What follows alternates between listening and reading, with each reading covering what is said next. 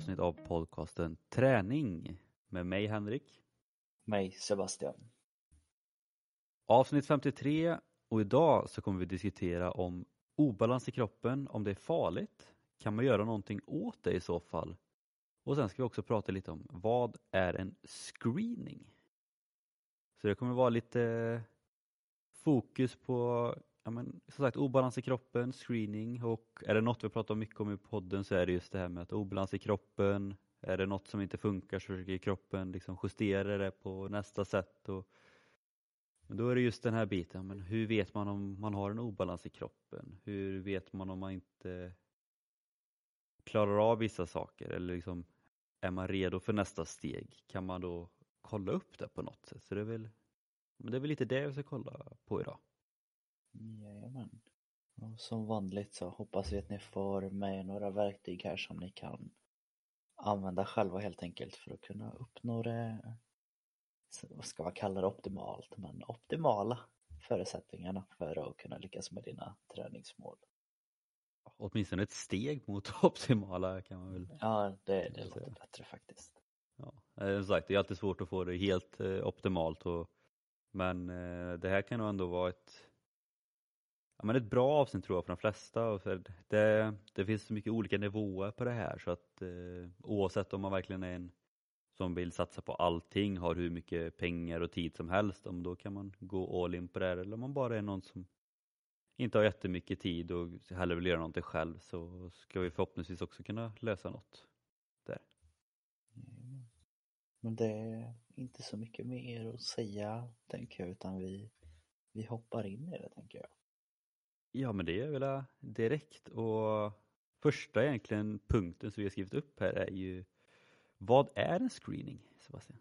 Mm, ja, en screening kan man eh, säga som ett eh, litet begrepp eller uttryck för att man ska bilda sig en form av bild av hur ens kropp är helt enkelt.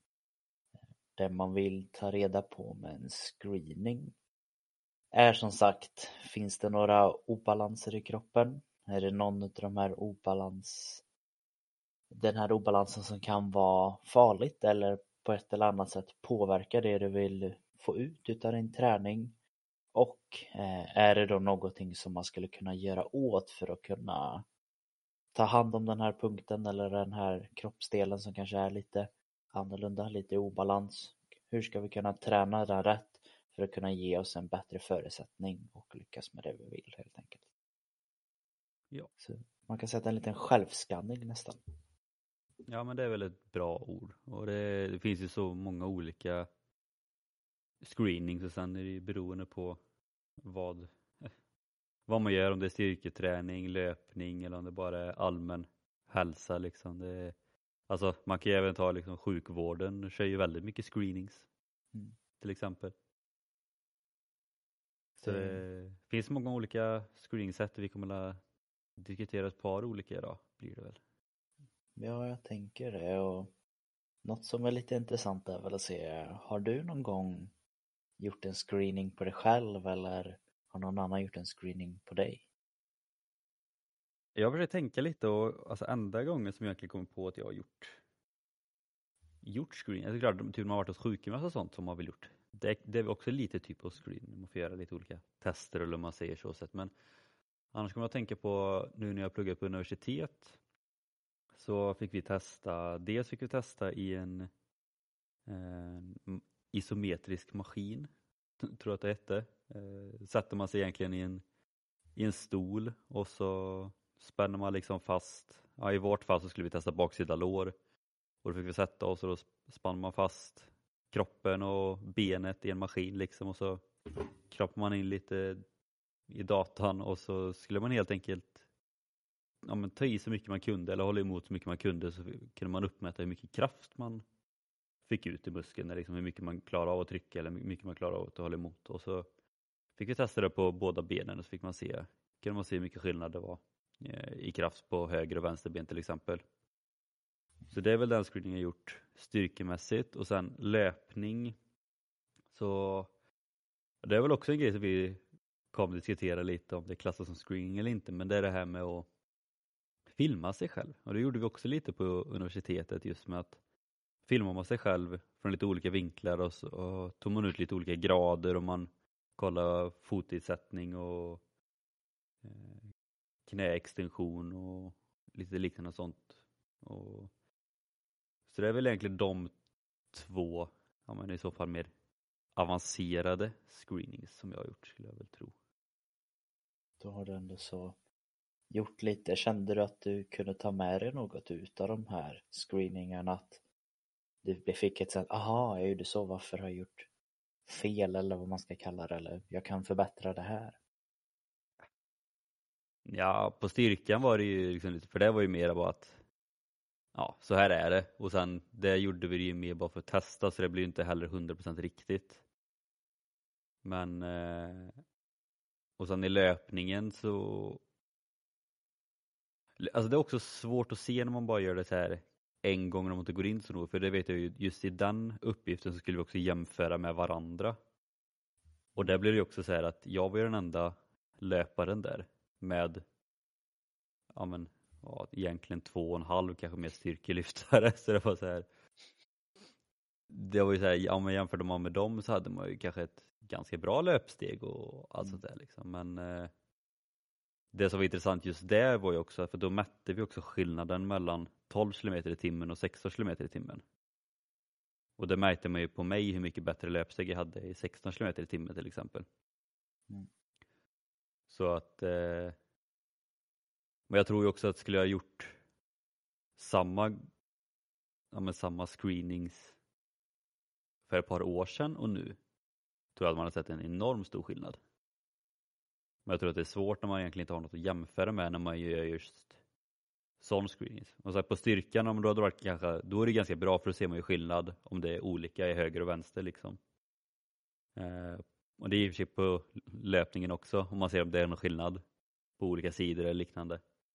Eh, men jag tror att det hade också gjort ganska mycket om man hade gjort liksom om man gjort det antingen igen eller om man gjort det tidigare för att kunna se någon skillnad. Mm. Det är väl det som man egentligen inte vill just kanske med en screening. Lite som när vi ser att vi, vi, vi är så mycket för att göra tester. Det är ju lite samma med screening egentligen om man vill se se eller få ut något till screeningen så vill man ju kanske göra en screening innan man går på något och sen så gör man en screening efteråt och så ser man skillnaden liksom att har det blivit, har jag blivit stelare eller har jag ett sämre löpsteg nu när vi ser att du börjar styrkelyfta så visar det sig att ditt löpsteg blev jättedåligt. Ja, då är det ju något man måste tänka att aha, vad kan det bero på? Eller tvärtom att oj, nu springer jag mycket mer med bättre hållning på grund av styrketräningen och för att faktiskt kunna se något gör man bara en gång som du säger att det är kul om man kan få reda på mycket men det bästa är väl som sagt när man kanske kan ha kontinuerligt ger eh, screening i så fall. Ja, för det är som du säger, det är ju egentligen som ett test. Man gör det ju för att se om det är något man kan förbättra och sen lägger man ju förhoppningsvis då upp någon form av träning för att förbättra det område man vill förbättra.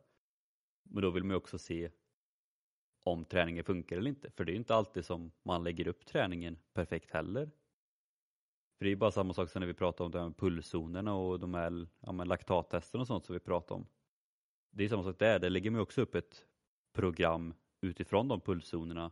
Men sen får man göra ett test igen för att se om man har förbättrats eller om det kanske var något fel på det här testet så att man ändå låg i fel pulszoner. Liksom. Och det är samma sak med screening, att man behöver göra en screening igen för att se om det har blivit någon förbättring. För om man hela tiden går efter om ett program man gjort som man tror funkar och sen har man insett att ja, det, det här funkar inte optimalt för mig, men då behöver man ju se om det går åt rätt håll eller om det går åt fel håll eller om det står still. Så att... mm. Men själv då? Har du gjort, har du gjort någon screening?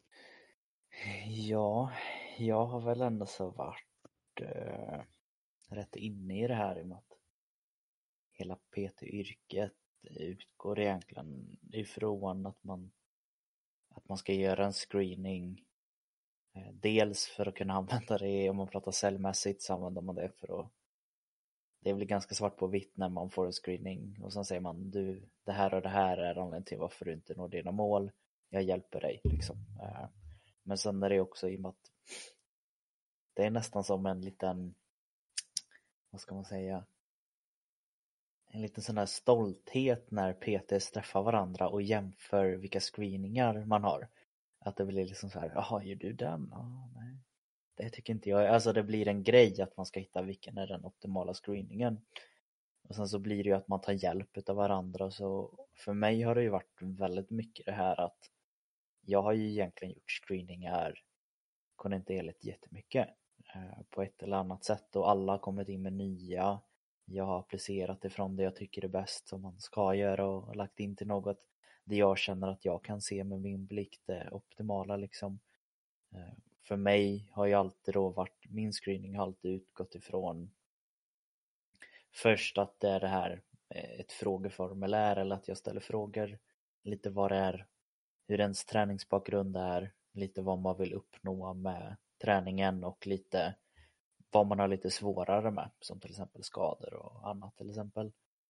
Och utifrån mål och utifrån vad de ser att de har svårt med har jag försökt alltid att kolla på att hur kan jag så effektivt som möjligt få den här personen som gör en screening att nå sina mål. Det är ändå så det man vill.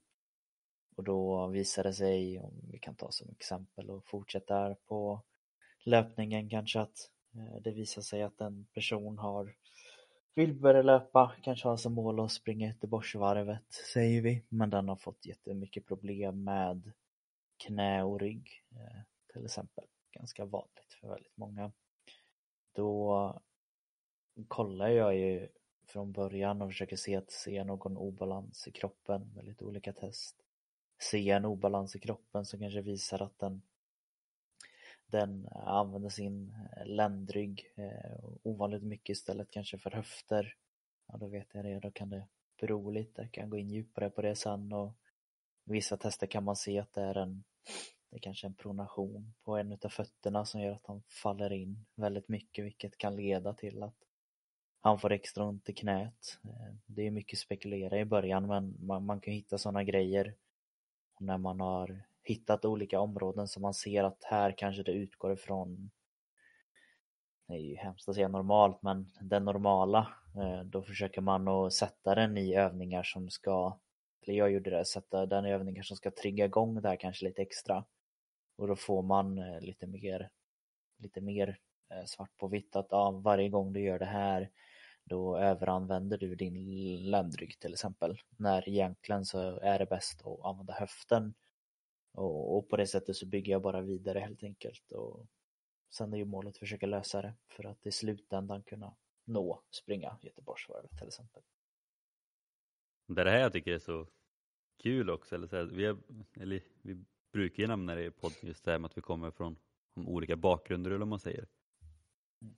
Och det, det hörs så tydligt nu också så här, liksom, när det kommer till min erfarenhet av screening, då är det mer de här på universitetet och de här mm miljondyra maskinerna, så extremt som är så mycket bara data och ja, men, enhetligt som det bara går. Oh, och siffror och... Ja men exakt, så här, det, bara, det går bara att göra på ett sätt och det är så här, data, data, data. Och så här, men det är dyrt och det är, man ska ha utbildning och bla bla bla. Och så kommer man, nu är du ju också utbildning, men så här, medan i ditt fall så är det mycket mer praktisk erfarenhet. Så du har gjort det här i Alltså, alltså här, nu är du fortfarande ung, men du har ändå gjort det här i många år liksom. Ja, jag började väl göra screeningar när jag var 17. Gjorde ja. kanske till jag var 21 kan jag ha varit det. Och sen säger vi att jag snittar och göra kanske fem screeningar minst per dag. Under alla de här åren. Och då jobbar jag kanske snitt också fem dagar i veckan. Det, det blir rätt många då. Jo men det blir ju det och det är det som är så intressant då, liksom, att kunna då dela våra erfarenheter här eftersom de är så pass olika. Och liksom här så blir det ju väldigt uh, olika bakgrunder och erfarenheter. Det kan man lugnt säga. Uh, men som sagt när man kanske mer lyssnar på det här nu då och man tänker att okej, okay, vi börjar förstå lite mer vad en screening är. Det kan vara alltifrån att kolla, det kan vara alltifrån att mäta. Och det är väl där också som det kan vara lite eh, krångligt att förstå för vi har varit väldigt Men jag tror fortfarande vi är, eller jag vet att vi fortfarande är väldigt tydliga att man kan inte riktigt jämföra eh, kroppar med varandra och man kan inte se att det finns en optimal robotkropp. Eh, för, för, vi kommer att se olika ut utan det, det, vi kanske menar mer är att man kanske strävar mer mot en eh, rätt så symmetrisk kropp med muskelmässigt och hur man använder den.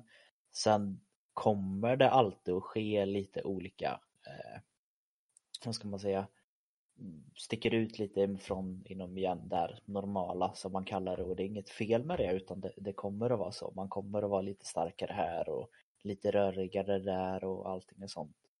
Men en screening är väl kanske då framförallt att se att ett väldigt tydligt är ju som sagt att se för de allra flesta är får jag ont utav det jag gör? Och är det då att du kanske har ont i, vi fortsätter med knät igen, att du har väldigt ont i knät. Vi kan ta mig som exempel, det är jättebra. Jag hade jätteont i mitt knä när jag spelade handboll. Eh, jag sprang med rakt ben, jag kunde inte böja det. Det såg för jäkligt ut om man ska vara helt ärlig. Men där var det liksom, ingen hittade riktigt förklaringen varför jag hade ont i knät. Eh, jag kollar runt överallt. Det de gjorde då var att de kollade ju självklart på knät, för det var ju det jag hade ont i. Eh, sen tänkte ingen riktigt på att det här kanske kan vara eh, att det kommer från någon annanstans. Efter att ha fått lite utbildning och att eh, jag förstod själv att man kunde göra en screening. Både utav era egna screenings på mig själv men även att ta hjälp av mina kollegor. Så hittade jag i den här screeningen en liten obalans för första gången. Och det visade sig att eh, mitt eh, högra ben framförallt, för det var det knät jag hade ont i, så var jag jättedålig på att till exempel aktivera eh, min sätesmuskel eller eh, min rumpa. Det här ledde till att jag började träna min rumpa lite mer. För att eh, jag hade inaktiverat den helt enkelt med sättet som man tränar på i handbollsvärlden. Detta gjorde att på det sättet så kunde jag bygga upp en styrka och när den blev starkare så blev det att eh, mitt knä hamnade lite mer i rätt vinkel, eller vad man ska säga, när jag sprang. Vilket gjorde att helt plötsligt så fick jag inte ont. Eh, och det här kan man väl även jämföra då med, som Henke pratade om, att få ut, få ut det man vill med träningen styrkesmässigt annat. Att man kan komma väldigt långt på att vara lite sned i sin höft och alla är lite sneda. Men det är kanske ifall man känner att jag får ont eller jag vill bli ännu starkare. Jag vill ge mig de bättre, eh, de bästa möjligheterna som finns liksom. Ehm, det går liksom samma där att det, det går att springa barfota på grus. Det, det, är inget farligt med det men ibland kan det vara skönt att ha skor på sig. Lite samma kan det vara med andra träningsformer att du kan vara lite sned och du kommer komma väldigt långt men det kan vara lite bekvämare och kanske vara lite mer symmetriskt helt enkelt. Ja, och sen så kan man också se det sagt att i de flesta fall så är det sagt att om man för att minska skador eller om man har ont så vill man göra en screening men sen ser man det mot mer elitidrott kanske också, men det kan ju helt plötsligt också vara att man gör en screening för att det kan en pytteliten vinkeländring göra att man helt plötsligt tjänar någon hundradel också. Mm. Och då kan det också göra en väldigt stor skillnad. Men ja. Eh, jag tycker också det är väldigt intressant just om din historia där för att jag har egentligen varit med om exakt samma sak och det roliga där var att först gick jag hos en sjukgymnast som sa att det var slatter så kom jag till nästa sjukgymnast som sa att nej du kan inte ha slatter, du är för gammal för det eller så här, typ. Utan han trodde också att det var, man kan ändå framåt, att men han trodde ändå att det var liksom obalans i knät eller liksom så här, att det var de här små musklerna i knät som inte var riktigt. Så jag fick massa knäövningar. Och sen senare gick jag till en tredje sjukgymnast som sa exakt samma sak som jag gjorde för dig. Nej, du aktiverar inte sätet i högerbenet. Och så fick jag övningar för det och då blev det bra. Och det var sagt, det var liksom tre stycken som sa tre olika saker. En var kanske helt ute och cykla, en var lite upp på rätt håll och en var helt rätt på gång. Så det är ju också det här med att ja, men egentligen hitta, hitta rätt person eller hitta rätt screening också. Beroende på vad för screening man är ute efter. För jag tror att det är det som är grunden till det hela, att man innan man ska göra en screening eller söker någon som kan göra en screening så är det viktigt att veta varför vill jag göra en screening? Vad vill jag få ut av det? Ja. Och det är väl där också som den här motfrågan kommer att eh, men ska man verkligen då när man hittat en screening ska man verkligen följa den till punkt och pricko eh, pricka? Ska man verkligen lägga ner 100% fokus på att göra så som det är? Och det är väl det som är det svåra och för att vi fick ju en screening både jag och Henrik från en som ska vara utbildad till och med flera, bägge två liksom. Eh, och de här utbildade folken säger att så här ska du göra. Och sen så funkar inte det, vilket betyder att ja, även om vi följer den jätterätt pricko, då, då kan det fortfarande bli så att det liksom, det inte blir bra. Mm, ska jag säga någon fördel med den så är det att följer man faktiskt, om man har fått en screening och man har hittat en punkt man vill förbättra och man följer det till 100% men det ger ändå inte resultat. Jag tycker ändå så det på något sätt är lite bra ändå för då kan man i alla fall stryka att ja, det var inte det som var fel.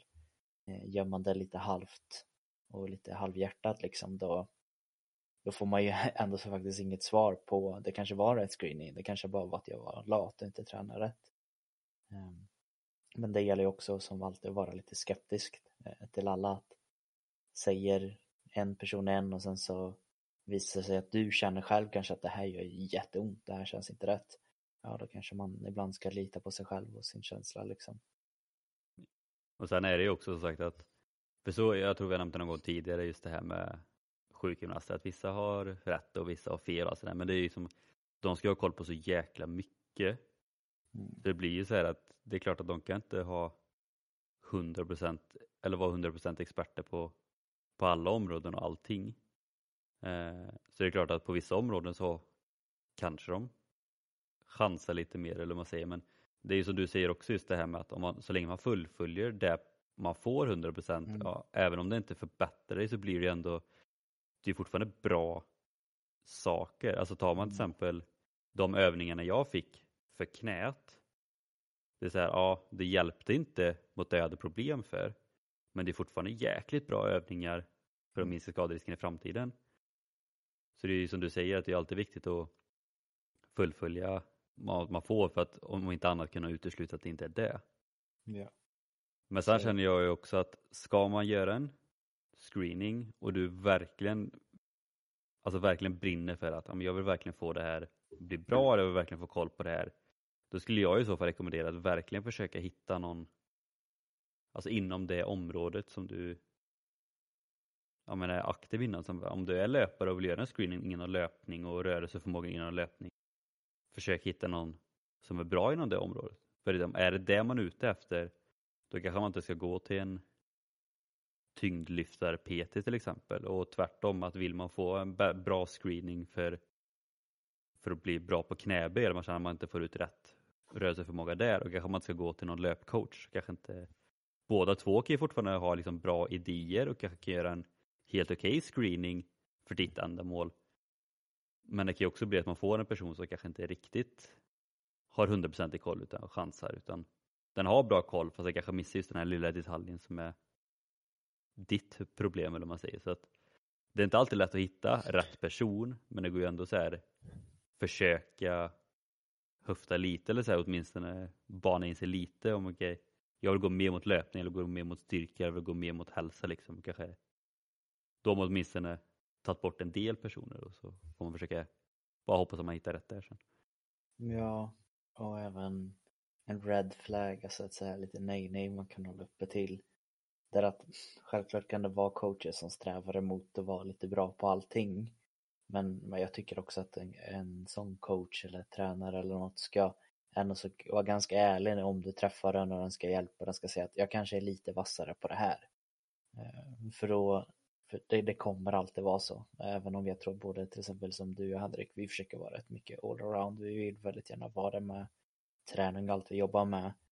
Då, då, känner man ju själv att jag kanske är lite vassare inom detta området. Men träffar man en person som ska hjälpa dig och den säger att jag är bäst på allting, då är den antagligen inte bra eller bäst på något.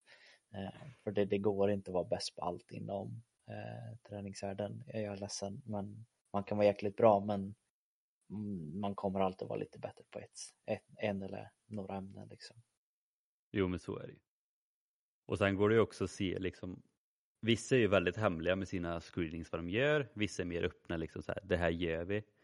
Och där går det ju också att se liksom lite ja men är det här en sån screening som passar mig? För det är, det är också kanske det man har läst mest nu när vi har kollat lite just det här med om, de screening alltid är bra liksom. För det har varit vissa som har varit ganska skeptiska till vissa screeningsmetoder och jag vet ju vissa kör ju screenings utifrån till exempel eh, baslyften, rörelseförmåga och sånt där. Men då blir det så här att om, om vill du göra en screening för ditt löpsteg, ja men då säger ja du kanske kan få ut vissa bra grejer från vissa baslyft men i slutändan kanske så här ja, till exempel bänkpress kanske inte är den bästa screeningen för att eh, se hur ditt löpsteg är till exempel. Så att om ni hittar någon screening där de skriver, har skrivit ut liksom så här, det, det, här gör vi under en screening så kan ni också se liksom att okej, okay, men känns det här som något jag kommer få nytta av eller känns det här som ah, det här är fel område för det jag vill ha. Liksom. Så mm. Det är lite som, lite som en forskning kan man säga. Så här. Alltså, leta, undersök, var skeptiska, våga ifrågasätta eller, eller bara våga fråga. För Jag tror ju också många som gör screening säger du att jag har problem med det här, jag vill gärna kolla på det här. Är det då någon som är bra, alltså helt okej okay på screening så kommer de ju lägga upp en screening för just det. Mm. Eh, så nu eh, har ni som sagt fått lite som sagt att det kanske för vissa är lite så här att oh, det här låter, det låter intressant. Jag sitter ju här och har ont i ryggen eller jag sitter här och vill det här målet. Och jag skulle gärna vilja ge mig de bästa förutsättningarna för att lyckas med det. Då tänker man liksom, hur kan jag få tag i en sån här screen en dag? Kan jag göra det själv eller vad ska jag göra? Och det tänker vi att vi, vi kan komma med lite tips här för vad du kanske kan göra själv. Jag drar igång först. Det kan du göra. Först och främst skulle jag väl säga att om du verkligen vill ha en bra screening så åk till en expert. Mm. även, om, även, även om det kostar pengar så är det så här, vill du verkligen ha en riktigt bra screening så kommer det alltid vara bättre att åka till någon som kan det än om man gör det själv. Liksom. Det, det är så vi funkar nu. Vi som vill man ha experthjälp så ska man åka till en expert. Det, så är det. Ehm, men annars om jag skulle komma med ja, men mitt bästa screeningtips om vi tar löpning då framförallt så skulle jag ändå säga att det är att verkligen filma sig själv. Och ta ett löpband, ställ mobilen bredvid och, och filma. För att man får fram så oerhört mycket genom att filma sig själv i sin träning. Jag vet, inte, jag vet inte om vi har pratat jättemycket om att filma och så sätt, men man får fram så oerhört mycket. För då är det också, filmar man först från sidan så ser man väldigt tydligt till exempel hur löpsteget är, hur mycket man böjer och sträcker på knäleden. Man får fram vart man sätter ner foten. Det kan till exempel vara att man kanske ser då till exempel att man sätter ner foten långt framför kroppen och då ser man liksom att ja, dels så bromsar man farten och dels så kanske det blir högre belastning för man bromsar farten. Och då ser man ju det väldigt tydligt om man filmar från sidan eller om man sätter foten liksom rakt ner för sig och får farten framåt. Man kan även se om man tappar bålen så att man blir liksom lite, om man är lite trött, man får det här lite kontorshållningen liksom när man blir lite trött. Så att det kan också vara bra att filma sig längre för att när man blir trött så ser man om man faller ihop lite med kroppen. Sen kan man också filma sig bakifrån för då ser man väldigt tydligt där i så fall liksom hur man vinklar fötterna. För det kanske är det vanligaste inom löpningen att ena foten eh, har du rakt eller så här hyfsat rakt och andra foten vrider du väldigt långt ut. Och det är då det blir sån här grej sagt att vrider du foten utåt om du försöker knät vrida tillbaka höften liknande. Mm. Så det ser man väldigt tydligt om man filmar bakåt. Man ser även om man tappar höften i löpsteget. Man vill gärna ha en ganska stabil höft så det ser man ju också om man har om man tappar den, om den är stabil eller om det är någon sida som man tappar lite. Man ser om man pendlar mycket med armarna liksom. Och, ja, det finns oerhört mycket man kan se genom att bara filma sig själv. Så att, skulle jag ge tips för att göra en bra, en väldigt bra screening skulle jag vilja säga innan löpning så är det att filma. Och då gör man det rakt från sidan och rakt bakifrån. Och sen så ja, har du någorlunda koll på hur det ska se ut så är det jättelätt att analysera själv. Det är bara att titta Annars så finns det ju hur många löpcoacher som helst där ute som gärna säkert tittar lite snabbt och kan analysera hur det ser ut. Så det skulle jag säga är kanske det både det enklaste men kanske också nästan bland det mest effektiva screeningsättet för löpning.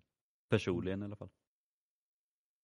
Ja, jag följer lite på det spåret där och eh, säger så högt att det här att känna av går ju på visst sätt självklart att oh, det känns stelt här när jag gör det här eller inte men jag tycker samma, det, det jag tänker ge lite tips om det är samma där att sätta upp en en kamera, mobilen liksom eh, och filma dig själv när du gör lite rörelser.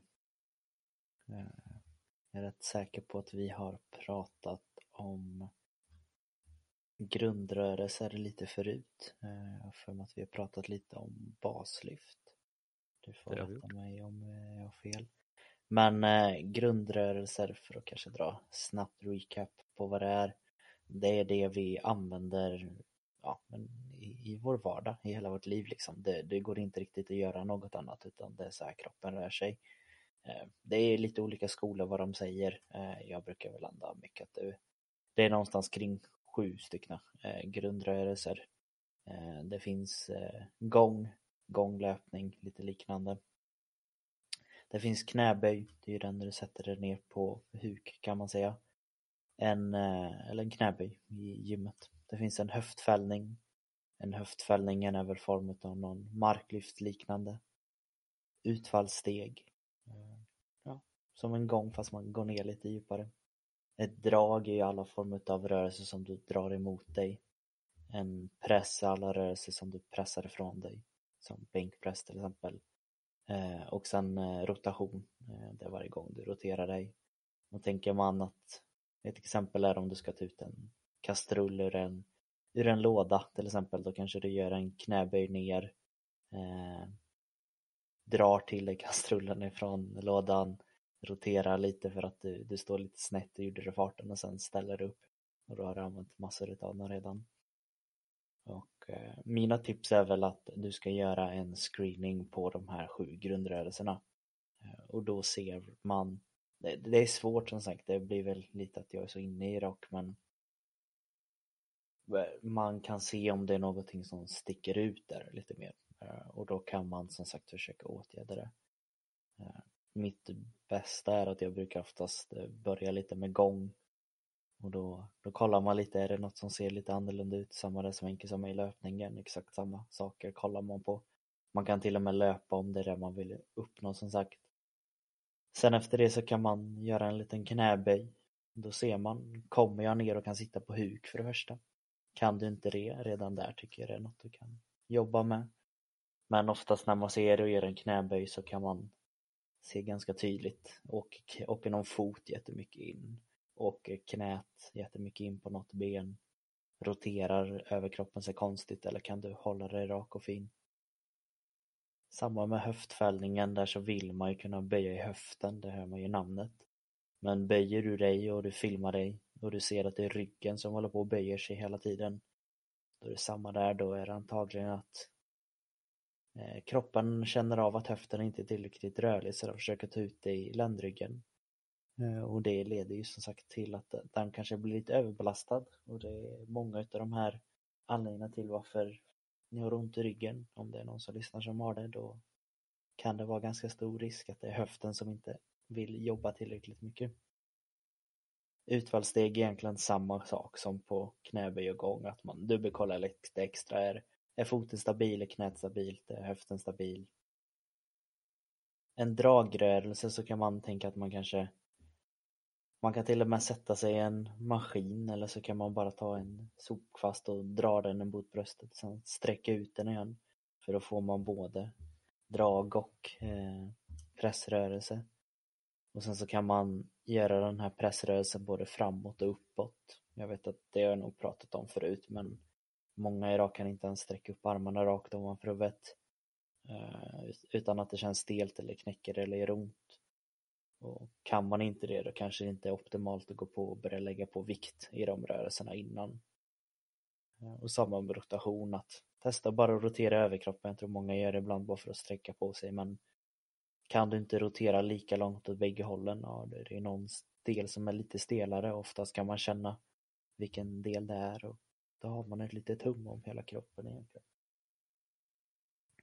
Jag skulle också säga att liksom det bästa med att men antingen att be någon bara titta hur det ser ut, fast framförallt att filma så man själv kan se det på egen hand efteråt är ju att man behöver inte vara en expert för att se om någonting liksom inte stämmer.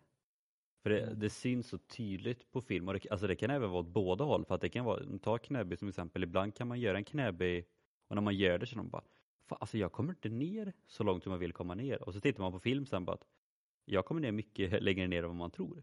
Mm.